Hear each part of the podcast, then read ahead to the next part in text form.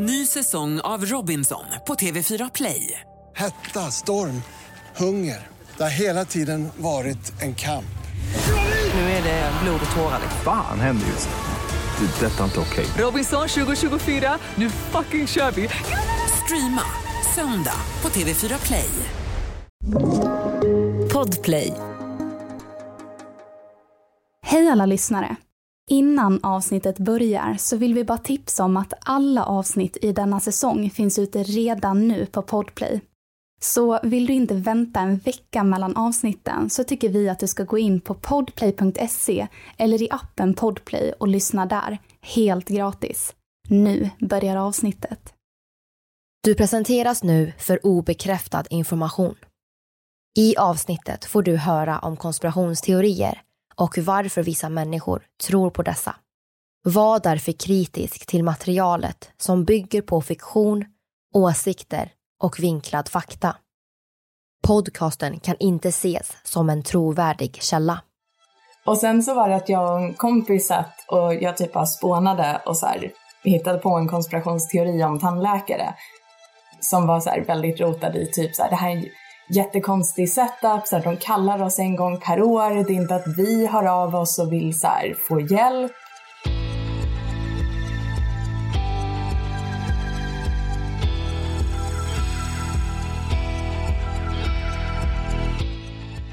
Det här är podden för dig som är intresserad av en annan version av verkligheten.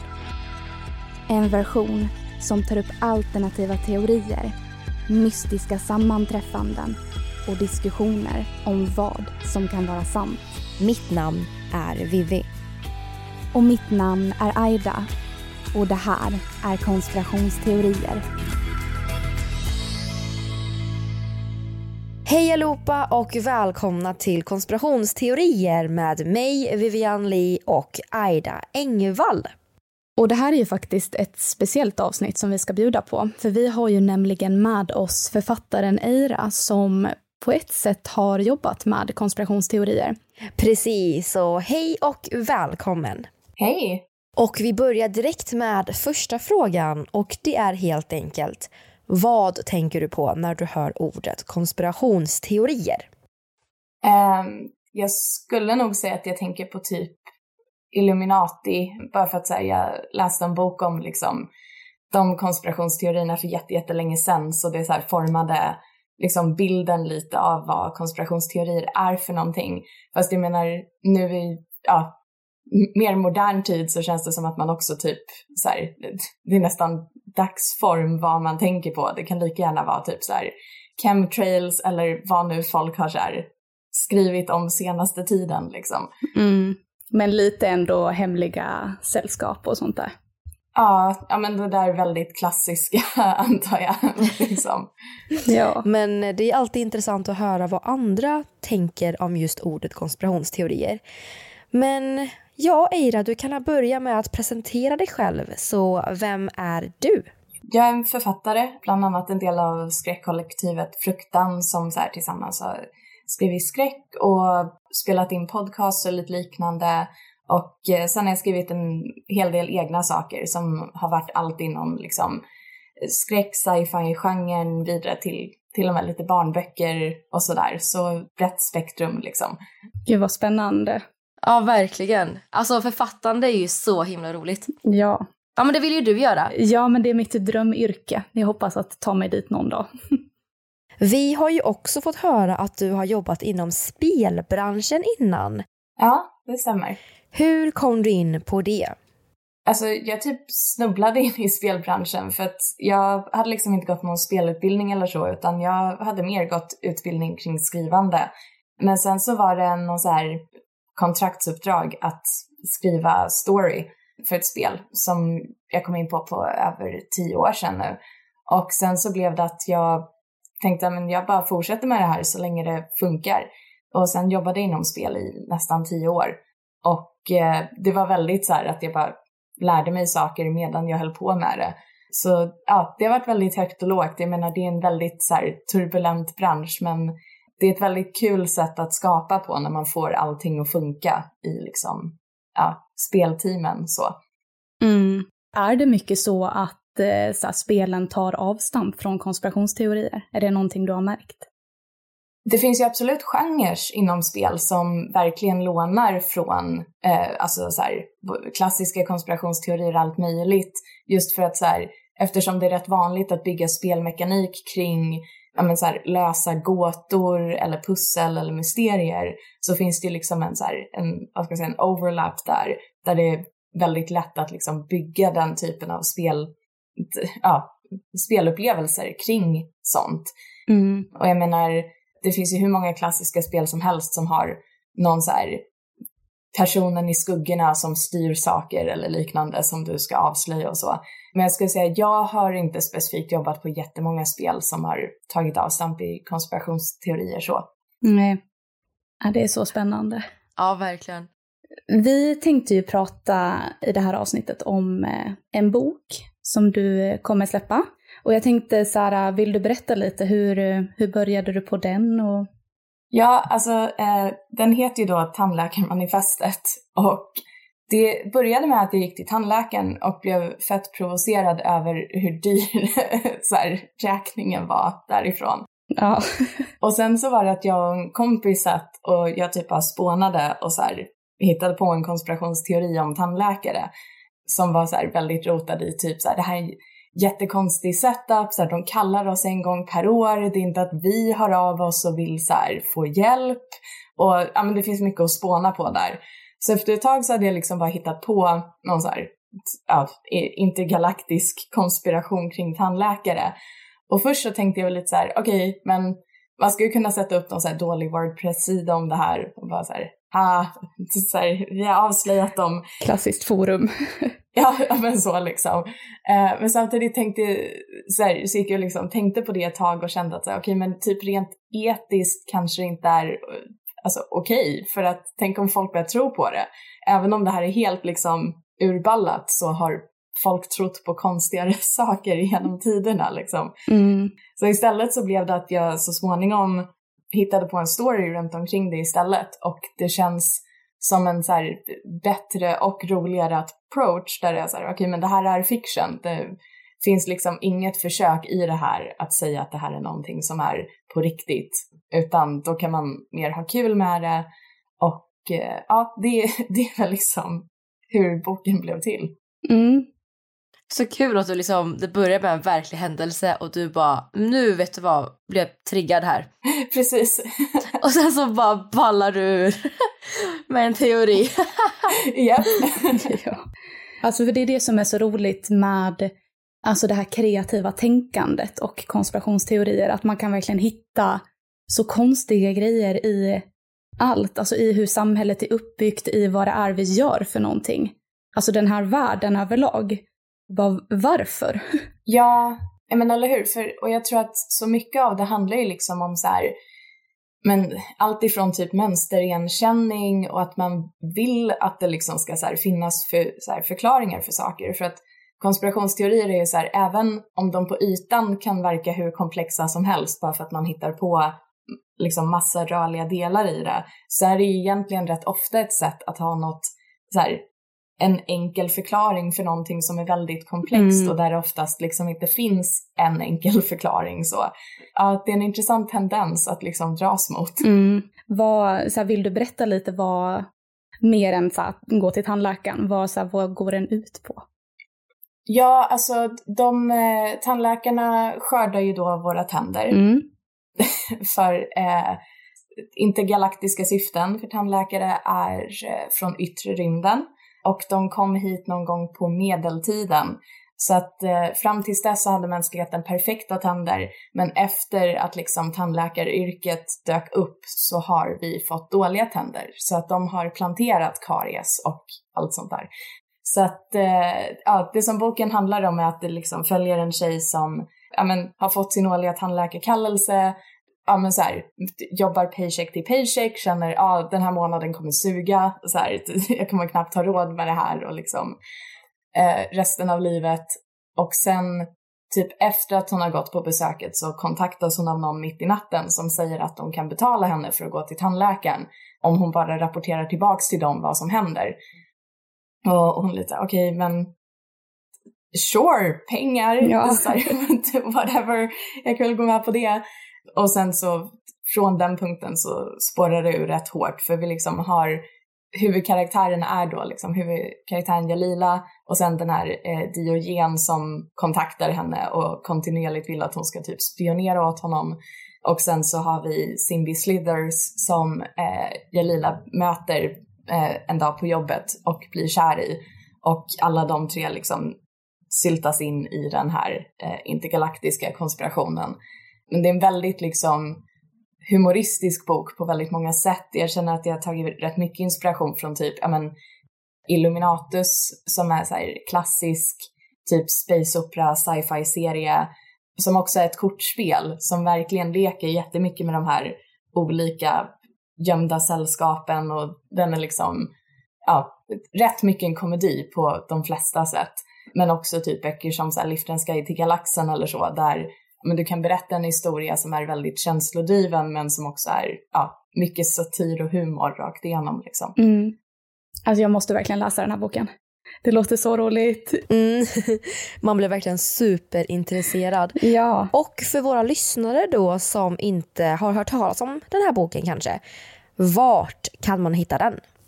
Den kommer finnas i, ja men förhoppningsvis de flesta bokhandlar. Men de kommer finnas på allt ifrån förlagets hemsida, förlaget heter Swedish Zombie, men det kommer också finnas på sci-fi bokhandeln och i ja, onlinebokhandlar och sådär. Så att man bör kunna hitta den på flera platser. Så då är det bara in och köpa hörni. Ja men precis, ja. Ja.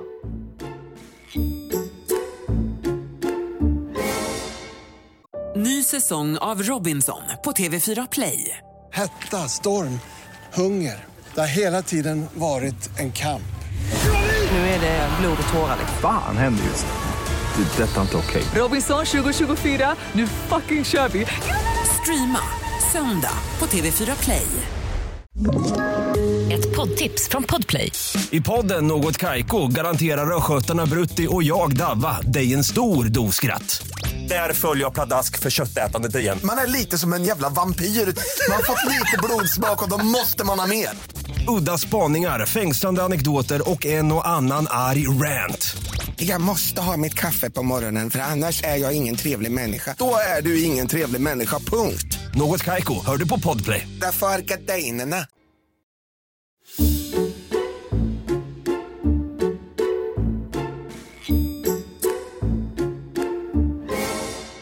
Finns det någonting du tror på inom just sci-fi som är lite övernaturligt eller exempelvis konspirationsteorier?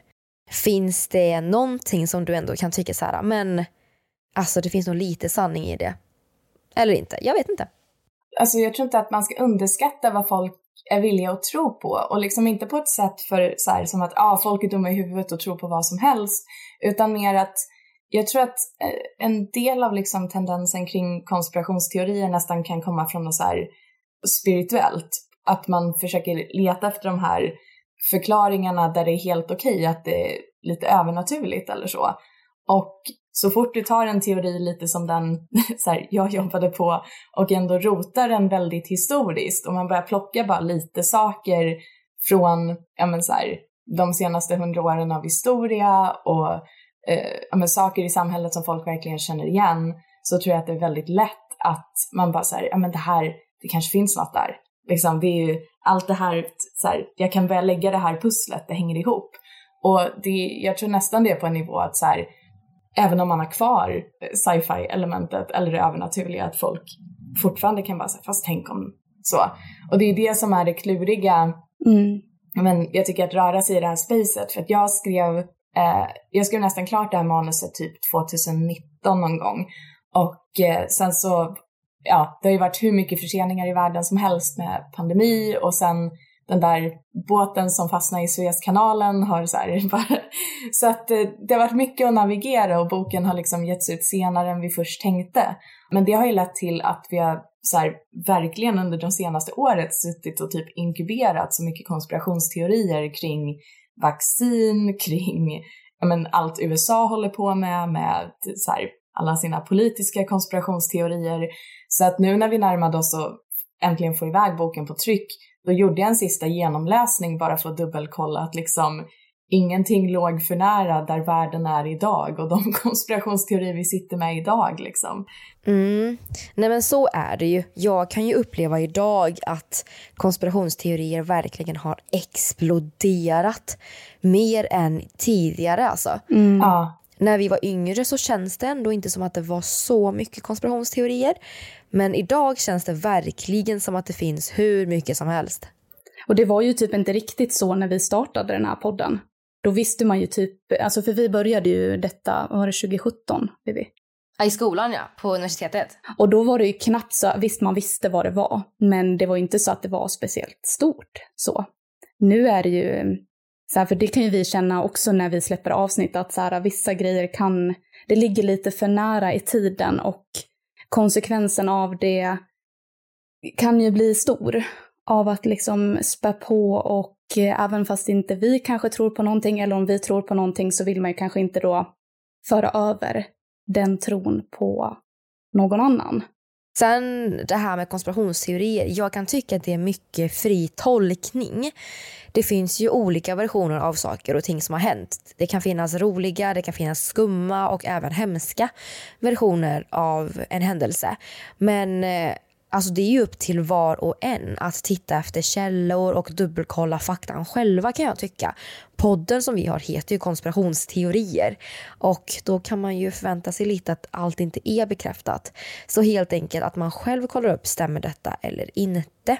Mm. Men precis. Alltså vår podd är ju väldigt intressant för att det är roligt att röra sig i just det här kreativa spacet. Och det gör ju du också Eira med boken om teorin om tandläkarindustrin. Så hur tar du an dig det liksom? Så hur tar du dig an det? Hur liksom ser du till att inte så fler frön i huvudet på skeptiker om det exempelvis finns skeptiker om just tandläkarindustrin? Det, det, finns det, ju, det finns ju teorier om att det är eh, bullshit. Att det är att eh, en bransch som bara har hittats på. Nej men, ja precis. Så hur tar man sig an det? Jag tror huvudsaken är att approacha det med en sorts medvetenhet. Att man är medveten om vad man rör sig i för ja, men så här, idévärld när man jobbar med det. För jag kan ju ha den upplevelsen ibland när jag pratar med författarkollegor att man ibland ja, men så här, kanske inte vill liksom ens tänka på hur ens berättelser kan tolkas. För att man vet ju själv vad man menar. Så att eh, om någon tolkar fel så är det liksom inte ens eget problem eller så. Och, eh, och där känner jag väl att så här, men det är alltid, eh, jag tycker alltid att ett bra minimum är att åtminstone veta så här, vad man jobbar med för teman, hur det kan tolkas på olika sätt. Sen behöver det inte hindra att man skriver om någonting. Men om man börjar i det hörnet så kan man i alla fall göra någon typ av damage control, eller vad man ska säga.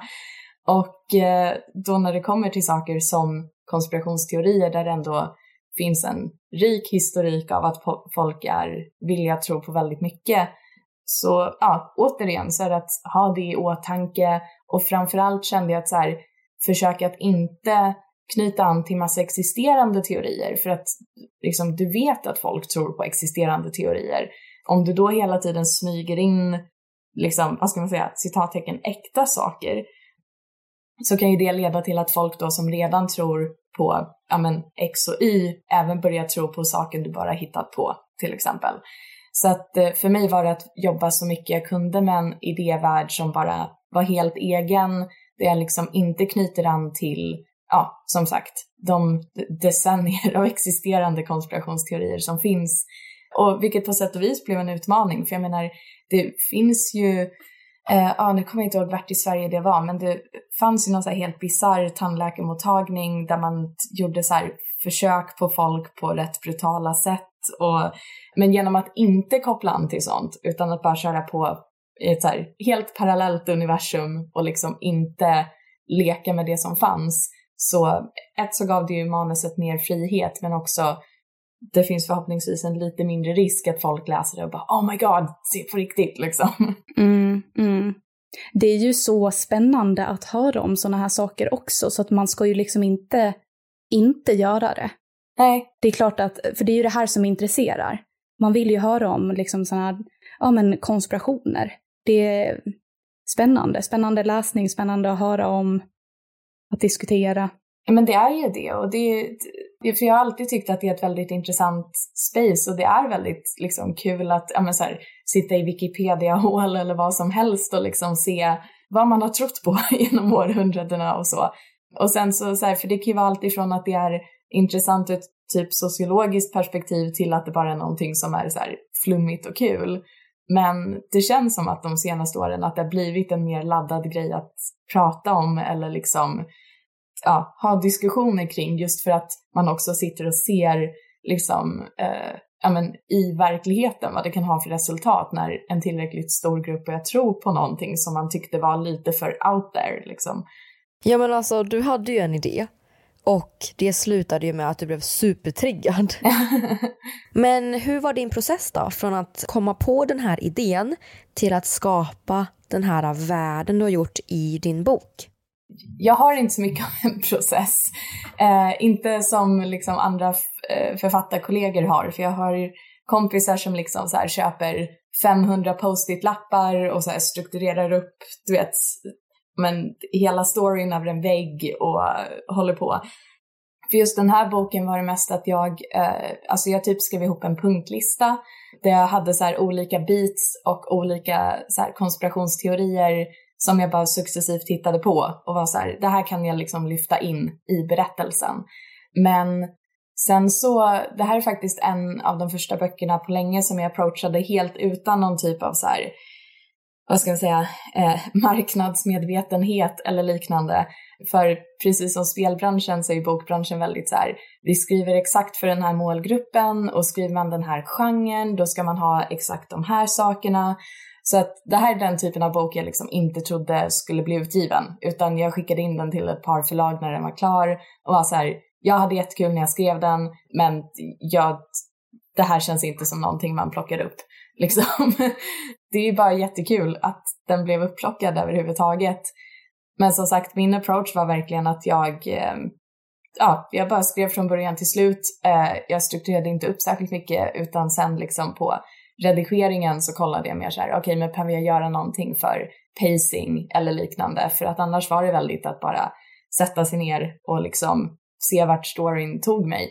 Vilket som sagt när man har suttit i en hyperuppstyrd så här, bransch som typ spelbranschen där allt det kreativa man skapar hela tiden mäts mot investerarpengar eller liknande så är det väldigt kul att göra någonting som verkligen är helt styrt av det kreativa på det sättet. Ja, så roligt ju att bara liksom fokusera på det kreativa. Och någonting jag tänkte på nu, om man ska komma tillbaka lite till hur du kom på din idé, är ju lite så här, tänk om det är så konspirationsteorier har börjat. Att man hade en fundering på att man tyckte att någonting var väldigt skumt och att man på så sätt bara har gått vidare med det. Att man har hittat argument för det, mm. men kanske också argument emot det men inte valt att ta med det. Så här, ja, nej, jag tycker det är så himla intressant bara. Jag tror framförallt det när det gäller de här nyare teorierna. Alltså om vi tar Walt Disney Frozen-teorin. Den är ju ett klassiskt exempel på liksom att någon har skrivit en tråd.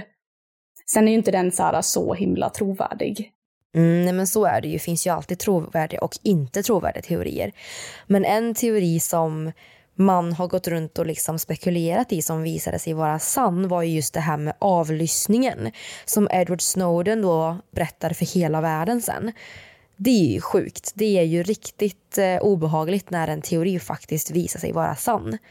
Då blir man ju lite så här, åh jösses, vad är det som händer? Och grejen är väl den att bara för att en teori är sann så betyder det ju inte att alla konspirationsteorier är sanna. Men det är bara just så himla läskigt och också häftigt på ett sätt när en teori man har haft och bara liksom, du vet, tänkt på plötsligt bara, nej men vet du vad, det här är sanning. Det här har hänt och det kommer fram ur skuggorna nu. Tänk då att man liksom bara har suttit hemma och kanske bara, ja men som du Eira, alltså bara suttit och... Ja, tänk om det är så. Tror du att någon kommer börja tro på den här teorin eller någonting liknande då, efter att ha läst boken? Alltså det finns ju alltid en risk så, folk sitter och liksom så lite halvt tror på Harry Potter, så jag menar liksom ja, jag fick inte mitt brev, men så här, som att liksom man vill hålla så här idévärlden vid liv på något sätt. Så eh, jag skulle säga att så här, risken alltid finns och jag tror liksom det är ingenting man kan komma runt. Jag menar oavsett vad man skapar för fiktion eller vad man skriver för typ av bok så kan man liksom aldrig undvika att det finns en så här, risk att någon kommer bli för attached eller tro på det på ett konstigt sätt liksom. Men eh, ja, så det får man helt enkelt vara okej okay med. Men eh, ja, eh, vi får väl se. Jag tror inte det är en risk att någon liksom tror på hela idévärlden i den här. Men sen kanske det finns en risk att man bara så här, hänger upp sig på någon liten detalj liksom. Mm, typ inte våga gå till tandläkaren. ja, exakt. men det är så mycket med oss också att så här, Ja men vi skriver och vi pratar om en teori som finns för att man är intresserad av men vad handlar det här om? Vad är det? Mm. Och sen så är det ju mycket så här upp till en själv, alltså en lyssnare då själv att så här, tolka om de tror på det eller inte. Ja. Eh, och det är ju samma sak med den här boken då att liksom, ja alltså du kan ju inte styra över vad de väljer att tro på efter att ha läst alltså din fantastiska berättelse. Ja men exakt. Och för jag menar en rätt stor del av alltså så här, författarskapet överlag är ju att eh, ja, du kan ju inte styra hur någon tolkar en berättelse. Och eh, det finns ju massa ja, men så här, olika teorier kring hur man ska approacha verk. Eh, det finns ju en som kallas Death of the Author, där det är så här, approachar vi liksom det här manuset utan att ha författaren i åtanke? Eh, hur analyserar vi skönlitteratur? Och jag menar, det finns ju argument för massa olika approacher till det. För att en Anledningen till att du skulle vilja liksom ha författaren i åtanke, det är just för att du sitter och läser texten och säger så ja ah, men eftersom han gick igenom det här i sitt privatliv så ser vi det speglat i det här återkommande temat i alla hans texter och liknande. Men samtidigt så kan du ju inte veta särskilt mycket om en författare genom texterna du läser. Till exempel i Stockholms undergång så skrev jag en berättelse som handlar om, att det dyker upp en regnbåge eh, över flera städer i ja, men, hela världen och eh, successivt så börjar städerna liksom tappa sin färg och regnbågen blir starkare och starkare. Och eh, huvudpersonerna i den berättelsen är en mamma som eh, kämpar med alkoholism som liksom under det här apokalyptiska scenariot bara försöker så här, ta hand om sin son. Och eh, flera, alltså till och med författarkollegor typ drog mig åt sidan efter att jag hade skrivit den och var så här, alltså vill du prata eller så, så är det, och jag säger va? um, de var såhär, nej men det där kändes, det där var så jävla jobbigt så att det, jag bara utgick ifrån att du liksom drog från egna upplevelser. Mm. Och var såhär, nej, nej faktiskt inte. Jag antar att jag bara skrev bra. Liksom. Ja, skrev otroligt bra. det blir alltid en klurig grej kring liksom hur man tar till sig en text och hur författaren tänker att du ska ta till dig en text versus hur du faktiskt connectar med den. Så att eh, man kan helt enkelt inte styra det bortom en viss punkt. Och jag tror att det kan vara en nästan rätt negativ upplevelse som författare om man försöker ha ett för stort kontrollbehov i hur folk liksom tar till sig det man skapar. Utan man kan nog bara uppnå någon typ av inre lugn om man faktiskt kan släppa saker. Och så, så, här, så länge folk liksom inte börjar trakassera mig i mitt privatliv för att de tror att X grej i min berättelse betyder det här i mitt privatliv så är det lugnt liksom. Mm. Det tänker jag också. Det ligger ju liksom inte på, inte på dig eller inte på oss egentligen heller med den här podden. Utan det ligger ju hos eh, liksom lyssnaren och kanske om man ska dra det längre, kanske till ja, källkritik, eh, alltså i uppbyggnaden av samhället, tillit, alltså till sådana grejer mer än att det här är ju bara berättande. Ja men precis, och ja, man, man hamnar i den här balansen mellan att liksom berättandets makt, men samtidigt liksom att ja, bortom en viss punkt så kan man liksom inte sitta och försöka mikrostyra saker, utan det, det får landa som det landar. Mm. Och sen tänker jag också liksom nu gällande då konspirationsteorier att det finns ju vissa konspirationsteorier som har visat sig vara sanna. Och då är det ju liksom inte bra heller med om man ska ha den här fulla kontrollen. För det är väl egentligen bra då att man som då lyssnare eller läsare tar sin egen tolkning och sen liksom behöver man kanske inte göra någonting med den. Men om man gör någonting med den och det är sant, då blir det ju kanske ett positivt utfall. Jag skulle säga att ett av huvudtemana i min bok, liksom för huvudkaraktären, det är ju det här med att bara för att en sak stämmer så betyder det inte att allt annat automatiskt stämmer. För att liksom hon har x antal saker i sitt liv som när hon liksom börjar dras in i den här tandläkarkonspirationen så är det så här, fast de gör allt, allt det här i samhället, de gör allt det här andra, det här förklarar allting. Så mycket av hennes resa blir att liksom först nästan gå in med det hoppet, att det här kan förklara allt det andra som suger. Och sen så blir det så här, nej, det, det med tandläkarna stämde, fast resten var bara samhället. Liksom. Det, det är bara saker som människor har haft för sig. Liksom. Och, ehm, och jag tror att det är en återkommande utmaning när det kommer till just saker som stämmer. Som till exempel Epstein, där det bara så här, okej okay, men här skedde den här helt bedrövliga systematiska övergreppen eh, som liksom orkestrerades av den här personen. Men bara för att det stämmer så betyder det inte att liksom x antal lager av så här, konspirationer i samhället också stämmer, utan det betyder att det var en sak som fanns.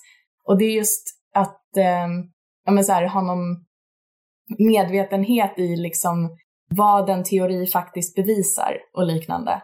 Och eh, ja, ha någon självmedvetenhet i hur man liksom approachar det så här större världsbygget eller vad man ska säga. Mm, precis. Ja, verkligen. Jag kunde inte sagt det bättre själv. Det var jättebra sagt verkligen. Mm.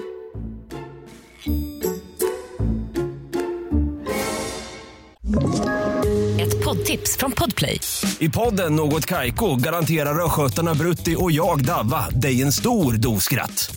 Där följer jag pladask för köttätandet igen. Man är lite som en jävla vampyr. Man har fått lite blodsmak och då måste man ha mer.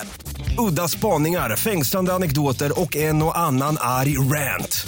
Jag måste ha mitt kaffe på morgonen för annars är jag ingen trevlig människa. Då är du ingen trevlig människa, punkt. Något Kaiko, hör du på Podplay. Därför är gardinerna.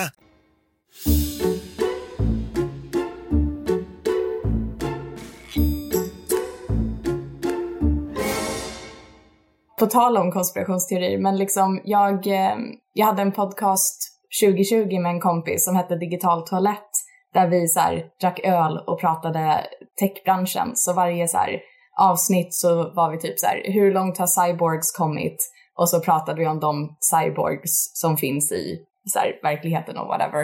Um, det finns förvånansvärt många och de har, ett, så här, de har en liten klubb. Uh, det finns någon som har så här, opererat in sensorer i sina fotsulor så att hon känner uh, jordbävningar när de sker de är så uppkopplade mot alla världens seismografer eller något sånt.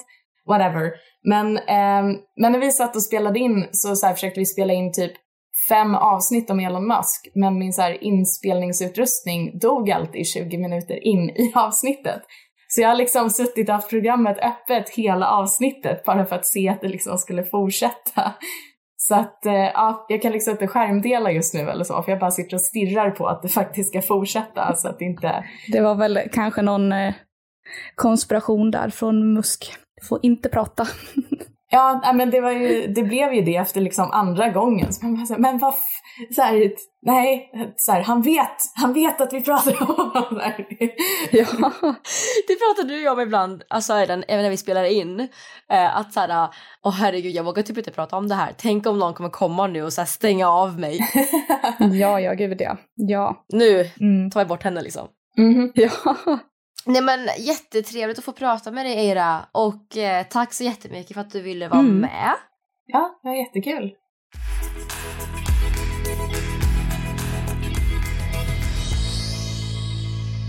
Ja, alltså det där var ju verkligen superspännande. Mm. Och någonting som vi insåg nu då är ju att det egentligen finns en hel del likheter mellan traditionell storytelling och upplägget av en konspirationsteori. Mm. Alltså jag kollade på ett eh, intressant klipp på Youtube. Eh, jag kan slänga in det i våra källor ifall någon vill kika.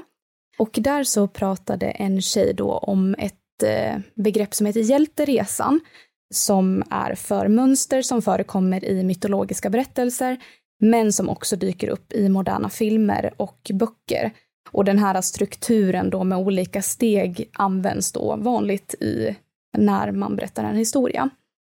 Så den finns, den här hjälteresan finns bland annat att se typ Harry Potter, Star Wars och liknande. Och eh, då grunden i den här hjälteresan då är ju att det finns en huvudperson, hjälten, och sen så finns det också då en mentor och sen så finns det då skuggan. Och om vi ska ta Harry Potter som exempel så har vi ju Harry Potter som är hjälten. Vi har Dumbledore som är mentorn och sen har vi ju Voldemort som är skuggan. Och eh, det finns ju en spännande likhet där till konspirationsteorier för där har vi ju vi människor, vi eh, teoretiker om man ska säga, som tar till oss ett budskap. Vi är ju hjälten och eh, sen så har vi den här mentorn, det är ju till exempel då Flat Earth Society som skriver ut någonting på sin hemsida och då, som vänder sig till oss där vi får ta till, alltså vi får deras information men vi får välja själva om vi vill ta till oss den eller inte. Och sen skuggan då, där har vi ju makthavarna och de onda organisationerna. Och då så är det ju inte så konstigt när vi blir matade med ett upplägg som finns när vi läser böcker och tittar på filmer som är liksom en del av vår vardag. Att vi får en ökad fallenhet för konspirationsteorier. Precis, och det är ju nämligen så att alla kollar på film eller serier eller läser eller lyssnar på podd och stories och sådär. Och vi har ju alltid varit fascinerade av just berättelser. Oavsett om de har varit mytologiska, fiktiva eller riktiga berättelser så, så är det någonting med just berättelser som får oss att få upp intresset. Och som Aida sa, det är ju samma sak med den här podden. Vi är ju de som helt enkelt, ja men vi gräver in oss i det som finns att läsa om. Alltså med vissa teorier och ni lyssnare är ju på ett sätt hjälten. Ja, ni är ju våra hjältar också. som lyssnar på älskade podden. Ja, och det är nämligen så att ni får ju helt enkelt en utmaning att lyssna på det vi berättar. Och ni får ju uppleva den här berättelsen och eh, höra en alternativ version av verkligheten. Och precis som i film så är det så att ja, men huvudpersonen liksom reser till en främmande verklighet och sådär som exempelvis i Star Wars eller andra filmer. Och ni ställs ju inför en prövning. Tror jag på det här? Tror jag inte på det här? Känns det äkta eller känns det falskt? Och ni får ju helt enkelt kolla upp ifall det här ja, men ifall ni vill tro på det eller inte. Och jag och Aida, vi skriver ju den här podden och vi gör den här podden för att vi tycker att konspirationsteorier är otroligt intressant. Och vi vill ju veta vad för teorier finns det och vad handlar den om? Och det är inte alltid vi går igenom superduper mycket just i djupet för att vi är ju mest intresserade över ja, men vad handlar den om och varför tror folk på den? Och det vill ju ni också veta. Det ni vill ju ta del av det är ju den här skuggan, det är ju den här, det är de här teorierna. Så eh, det är ju det vi erbjuder er också. Men eh, er prövning blir ju helt enkelt så här, ta podden med en nypa salt. Vi pratar om teorier som är obekräftade. Vi pratar om teorier som antingen har blivit motbevisade eller att vissa delar har blivit bevisade men inte hela. Och då blir ju teorin på ett sätt obekräftad. Sen pratar vi också om teorier som faktiskt är bekräftade och då säger vi ju det. Men när vi inte säger att någonting är bekräftat, då är det ju helt enkelt upp till er att kolla källorna. Stämmer det eller inte? Mm. Vi har ju den här början av en anledning där vi säger så här, men du presenteras nu för obekräftad information och sådär. Ja, precis. Alltså vi bygger ju upp när vi skriver podden ett manus. Vi har ju liksom en struktur vi går ifrån som eh, gör att det blir intressant att lyssna på, för vi gör ju någonstans också en podd. Och sen är det ju också så när vi typ skriver podden med våra källor att i många fall, om inte typ alla fall, så står det ju typ ja, det kanske finns bekräftat på två källor, sen står det någonting helt annat på en annan källa. Och då antingen så blir det något mellanting av det, eller så blir det kanske det de här två källorna säger. Och ibland kanske alla källor säger olika. Exakt. Men det är ju just det, det är ju en teori. Vi har ju inte faktan i podden. Vi har en källförteckning med där vi har hittat vad vi har tittat. Och hur vi tänker kring podden är helt enkelt. Vilka teorier finns det? Vad är det som gör att folk tror på dem och vad handlar de ens om? Och helt enkelt få en övergripande bild på vad det handlar om. Mm. Men eh, ja, alltså det här var allt det vi ville säga och vi hoppas verkligen att ni tittar om avsnittet. Jajamän. Och en eh, nyhet är faktiskt att eh, vi har släppt merch, så det här blir ju då reklam.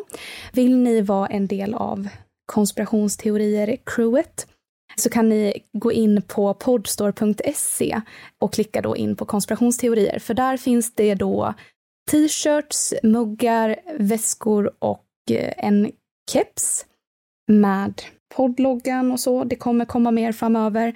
Och eh, vill ni inte missa detta så kan ni då följa oss på Facebook och Instagram där vi heter konspirationsteorier, för där lägger vi då upp när vi har något nytt spännande på G. Mm.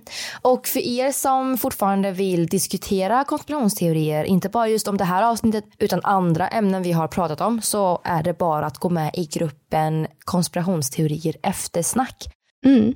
Och som ni kanske redan vet så finns ju alla avsnitt ute redan nu på podplay.se och för er som ja, vill ha lite spänning så kommer vi ju då ut med ett nytt avsnitt en gång i veckan.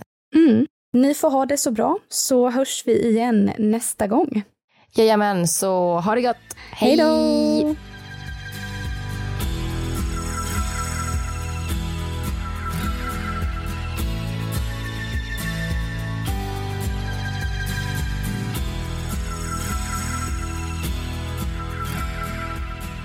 Du har lyssnat på Tandläkaren, en konspiration med Eira Ekre. Avsnittet gjordes hösten 2022. Vi som har gjort programmet heter Vivian Lee och Aida Engvall tillsammans med redigerare Jenny Olli. Källorna till dagens program hittar du via vår Facebook eller Instagram där vi heter konspirationsteorier. Via våra sociala medier kan du även skicka in tips och önskemål på teorier som du vill höra i podden. Vill du höra fler avsnitt av konspirationsteorier? Besök din poddapp och lyssna på avsnitt som Finns det ett sjöodjur i Loch Ness? He said to me that it was probably the most important discovery ever made in Loch Ness. 27-klubben. Many are asking if aspiring artists are in danger of glorifying the 27 Club. Och mycket mer.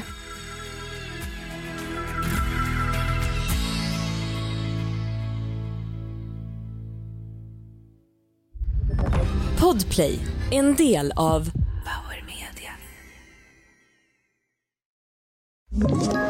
Ett poddtips från Podplay.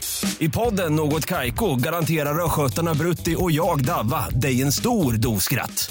Där följer jag pladask för köttätandet igen. Man är lite som en jävla vampyr. Man har fått lite blodsmak och då måste man ha mer.